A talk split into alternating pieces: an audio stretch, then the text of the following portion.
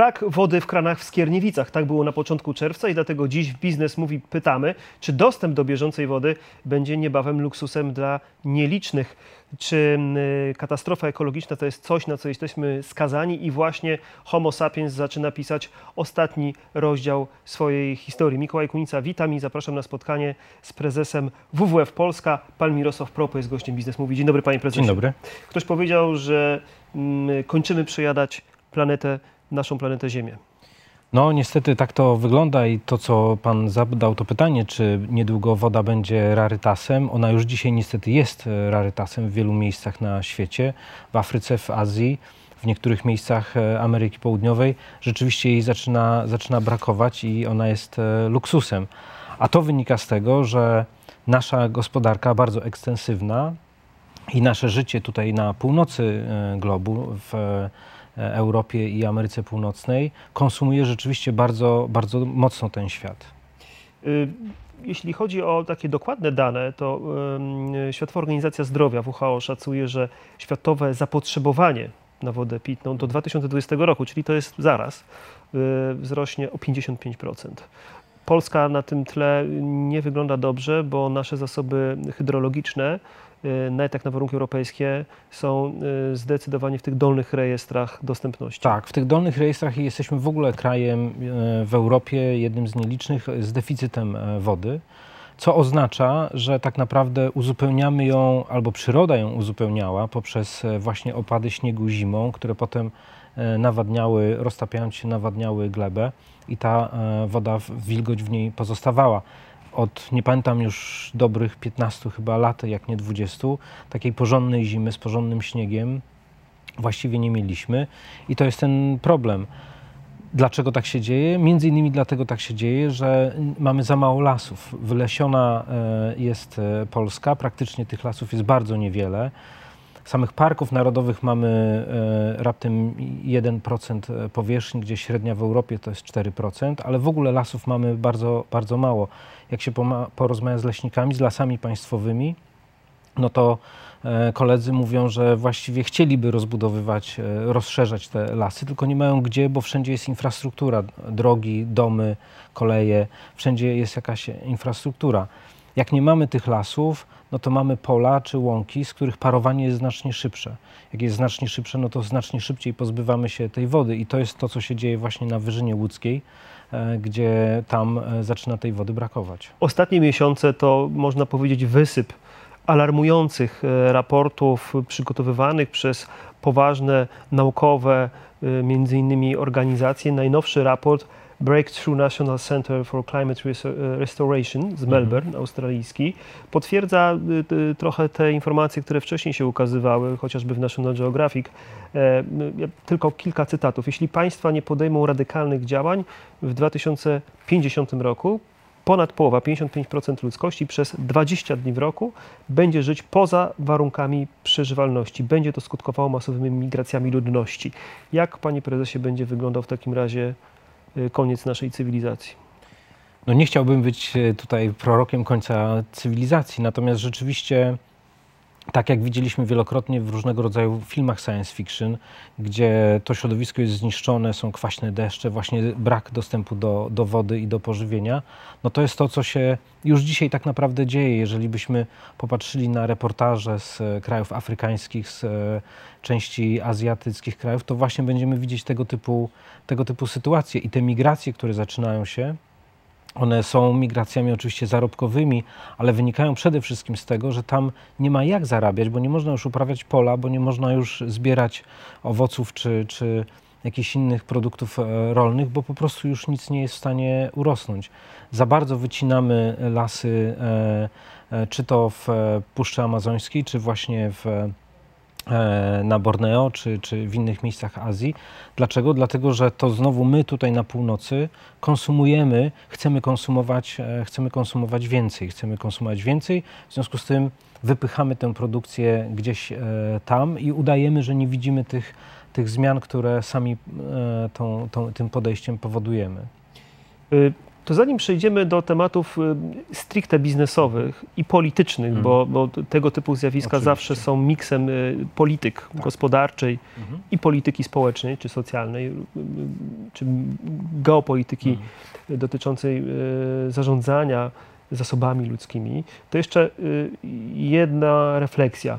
Może ta gra już jest przegrana. Ja kilka lat temu już czytałem takie, y, takie sprawozdania naukowców badających Arktykę, z których wynikało, że jest taki moment, po przekroczeniu którego tempo, y, w jakim stapia się powierzchnia lodowa, przyspieszy i będzie nie do zatrzymania, ponieważ y, to nie jest tylko tak, że lód zamienia się w wodę, ale jednocześnie z tego lądolodu ulatnia się metan i w pewnym momencie y, ta masa krytyczna zostanie przekroczona i już Tak. nie będziemy w stanie procesami technologicznymi y, dostępnymi nam obecnie jako cywilizacji odwrócić tego procesu i krótko mówiąc Mhm. ta temperatura powyżej 2 stopni, nawet 3 stopni globalnie podskoczy i generalnie no wszyscy wiemy jaki dalej scenariusz, tak? Tak, no potem scenariusz jest już rzeczywiście bardzo, bardzo zły.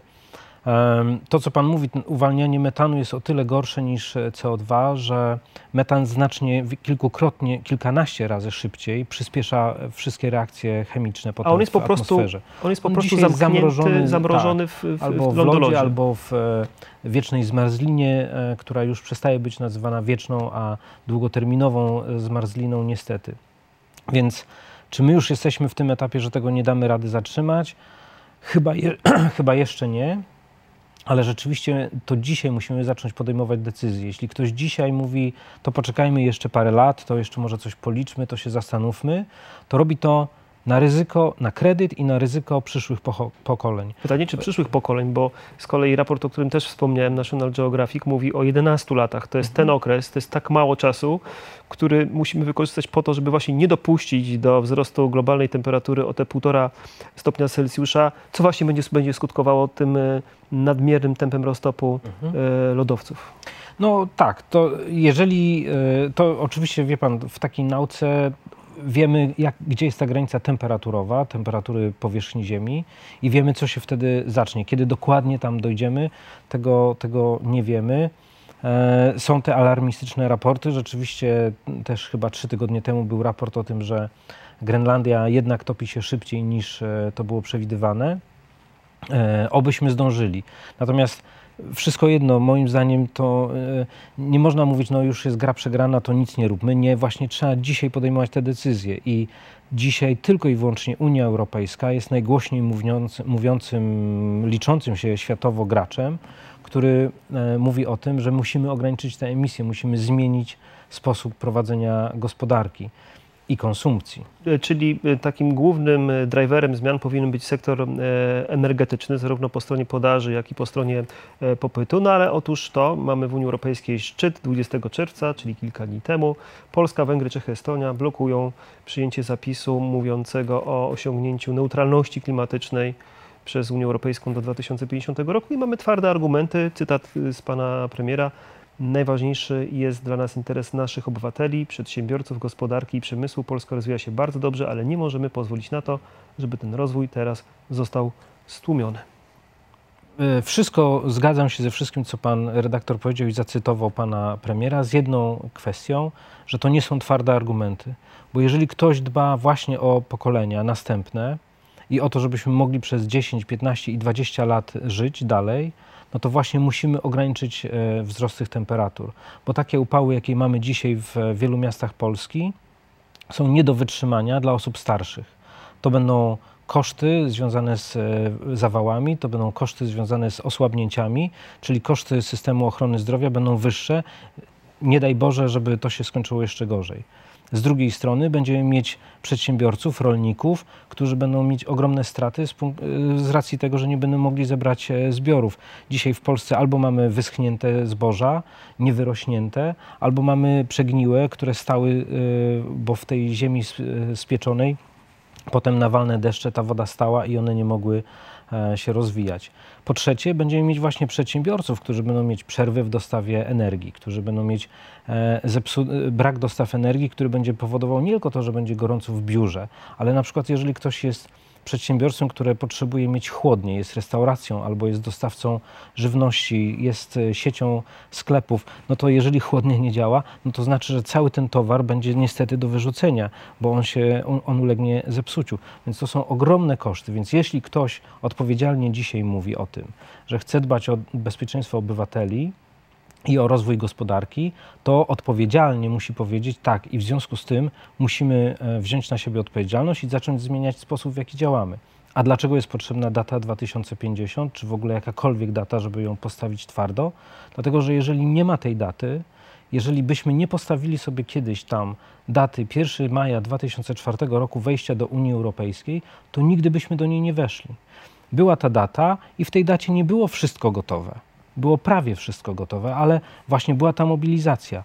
Było Euro 2012 i znowu była mobilizacja. Pamiętamy autostrada A2 na odcinku do Warszawy, miała tak zwaną przejezdność, ale to było prawie że dopięte, tak? Bez tego by się nie udało. Więc tutaj, jak nie ma tej daty, to jak patrzę od wielu, wielu lat na polskie spółki energetyczne, państwowe, które się nie zmieniają, gdzie te zarządy wiedzą, że jeżeli nie ma nacisku politycznego, to w związku z tym po co mają dzisiaj inwestować w nowe technologie, jeśli zaoszczędzą w cudzysłowie te pieniądze nie wydadzą, w związku z tym wykażą większy zysk, a premia zarządu zależy od tego zysku. A nie widzi pan pewnej zmiany? Niedawno Tauron ogłosił... E, Tauron jest, e, tak, Tauron jest tutaj dobrym przykładem i rzeczywiście zaczął się zmieniać.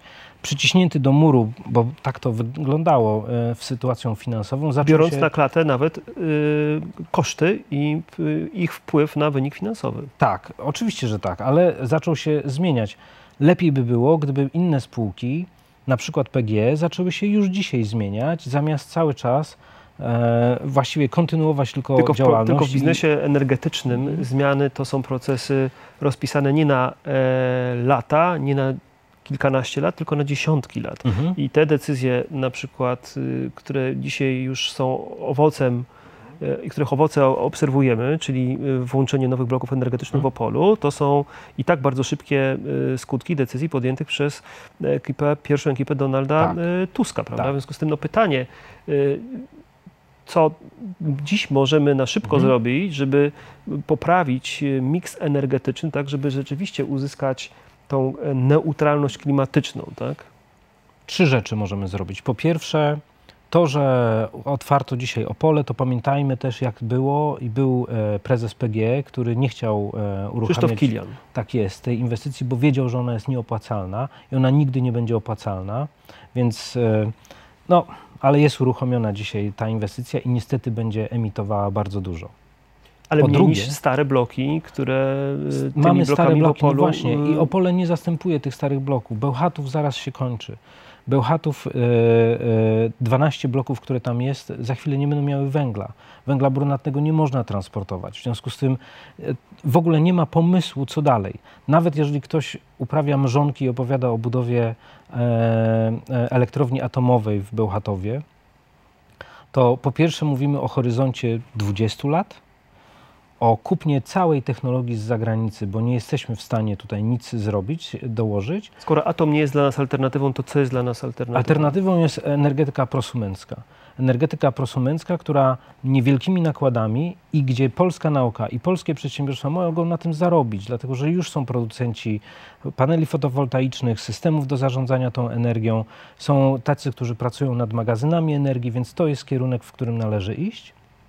I dzięki temu ograniczy się koszty również dystrybucji energii, a ta energia będzie tańsza. Ja sam jestem przykładem tego, że za dużo produkuję. Nie jestem w stanie skonsumować tej energii, którą produkuję u siebie w domu. Z całym szacunkiem, panie prezesie, ale gdybym e, odpowiadał za bezpieczeństwo systemowe, powiedziałbym, e, pan Mirosław Prope nie jest dla mnie e, stabilnym źródłem energii. Dobrze, to panie redaktorze, popatrzmy na to w ten sposób. Jeśli mamy taki kraj jak Polska, to lepiej jest mieć pięć dużych piekarni, które pieką chleb dla wszystkich Polaków, czy kilka tysięcy małych piekarni. Bo jeśli jedna z tych pięciu dużych piekarni, jeden z pięciu dużych bloków, na których opiera się nasz system energetyczny, wysiądzie, to będziemy mieć problem z zasilaniem. To będziemy mieć znowu wyłączenia prądu, ograniczenia dostaw do, do biznesu, a może nawet do gospodarstw domowych. Więc to jest oczywiście dla mnie, ja nie jestem stabilny, dlatego że musimy zainwestować w magazyny. w magazyny energii. I na to mamy te kilka lat, żeby rozwinąć technologię, żeby to była też technologia polska, na której sami zarobimy. Yy, powiedziałem, że sektor energetyczny, szeroko rozumiany, jest dzisiaj wyzwaniem, ale nie sądzi Pan, że rolnictwo przemysłowe, że y, to też jest ogromny w tej chwili y, problem, bo tak. Y, nie tylko jest energochłonnym sektorem gospodarki, ale także bardzo wysoko e, emisyjny. My produkujemy takie ilości hmm. mięsa, a to mięso, no, historię produkcji mięsa, każdy mniej więcej wie, jak to wygląda, no to się też wiąże z emisją CO2. Hmm. E, tak, i tego typu wielkoobszarowe i wielkoprzemysłowe rolnictwo i produkcja mięsa rzeczywiście to jest coś, co, od czego powinniśmy bardzo szybko odchodzić z kilku względów. Po pierwsze, tak jak Pan powiedział, ze względów środowiskowych, absolutnie e, e, to jest bardzo duże zanieczyszczenie, również emisja metanu bardzo duża. Po drugie, to wcale nie jest, jak się okazuje, zdrowe, bo mając wielką hodowlę, wszystko jedno jakichkolwiek zwierząt, to żeby w wielkiej fermie e, czy w wielkiej oborze te zwierzęta nie chorowały, muszą być karmione cały czas różnymi lekami, które my potem zjadamy, więc to wcale nie jest nic dobrego i do takiej ilości zwierząt musimy wykarczować lasy, żeby mieć gdzie uprawiać pasze dla nich. Ale problem polega na tym, że to już nie tylko pan czy ja lubimy soczystego hamburgera, ale ogromne rzesze Chińczyków, e, Chińczyków i Hindusów, którzy do tej mhm. pory e, widzieli mięso tak. raz do roku, e, rozsmakowali się i ta zamożność po, przez, po latach wzrostu mhm. gospodarczego pozwala im na to, tak. żeby sobie ten apetyt zaspokajać. I co z tym zrobić? E, pozwala i to jest taki wzorzec dzisiejszej konsumpcji, że właśnie ja muszę ten stek zjeść e, pięć razy czy sześć razy w tygodniu i rzeczywiście to powoduje ten popyt, narastanie popytu. Po pierwsze, niestety musimy zacząć wracać do tego, jaka powinna być dieta, ustawiać tę dietę, bo to, z tą dietą, z tym jedzeniem czerwonego mięsa codziennie też się wiąże i otyłość, i wiążą się wiele innych, w szczególności, że bardziej e, siedzący tryb życia wszyscy zaczynamy prowadzić. Więc to jest zmiana w ogóle diety i podejścia do, do, do żywienia. To jest z jednej strony, ale z drugiej strony są już nowe technologie, które są w stanie mm, wyprodukować e, mięso e, sztuczne, czy wyprodukować substytuty e, tego białka. Jest to produkcja znacznie mniej emisyjna albo prawie w ogóle nieemisyjna. Można, można z niej korzystać. Rzeczywiście to się takie farmy powstają również w Polsce. Najnowszy raport y, takiego hubu analitycznego A.T. Kearney mhm. y, przewiduje, że w 2040 roku y, 60%, czyli większość mięsa spożywanego przez ludzi będzie pochodziło e, nie z hodowli, albo z uprawy, albo z laboratorium. Tak, no właśnie, no i pewnie to są te trendy. Oczywiście trzeba pilnować i patrzeć na to, żeby sposób e, produkcji tego, e, czy hodowania tego, nie wiem jak nazwać, te nowe technologie, tego mięsa był bezpieczny dla nas i dla środowiska. Natomiast na pewno e, te technologie, które teraz się pokazują, rzeczywiście one są znacznie mniej inwazyjne dla, dla środowiska i może to jest kierunek. Pan Mirosław Prope, prezes WWF Polska, był gościem programu Biznes Mówi. Bardzo dziękuję za spotkanie. Dziękuję bardzo. E, a Państwa za to, że byliście z nami. Jak zawsze zapraszam na e, kolejny czwartek punktualnie o 15. Do zobaczenia.